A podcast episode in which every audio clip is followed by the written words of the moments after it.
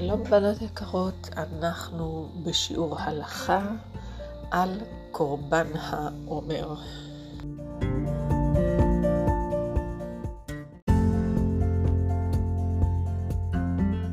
בספר ויקרא כתוב, וספרתם לכם מיום הביאכם את עומר התנופה.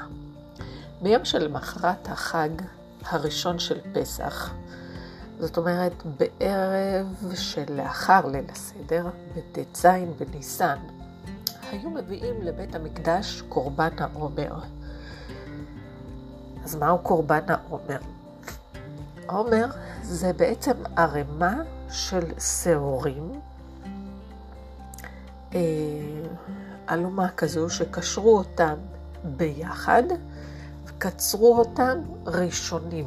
כן, אלה השעורים הראשונות שהיו בשדה, ואותם היו קוצרים ומביאים אותם אה, לבית המקדש. זה קורבן העומר. את קורבן העומר הם היו מניפים לפני השם. הכהן היה עומד בצד מזרח של המזבח, מחזיק בכלי שבו היה העומר שהוכן מקציר השעורים, והוא היה אה, מקריב אה, את השעורים האלה. ומצווה לספור את הימים שבין פסח לשבועות. לכן קוראים לזה, לימים האלה, ימי ספירת העומר.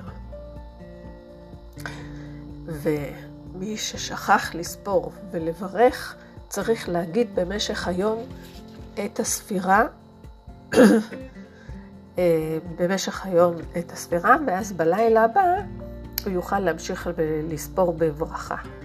אם הוא שכח לברך, הוא ממשיך לספור ללא ברכה, אה, ואם הוא שכח בכלל להגיד, אז אחרי יום הוא כבר לא יכול אה, להמשיך להגיד.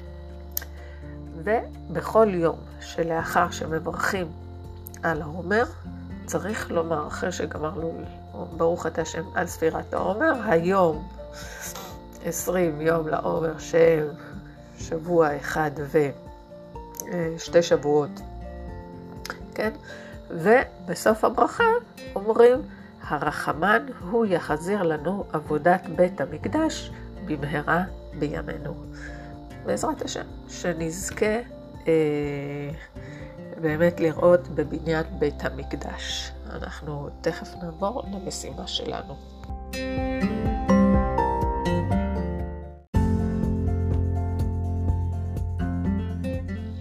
המשימה שלנו היא בספר הלכה, עמודים 113-114. בהצלחה.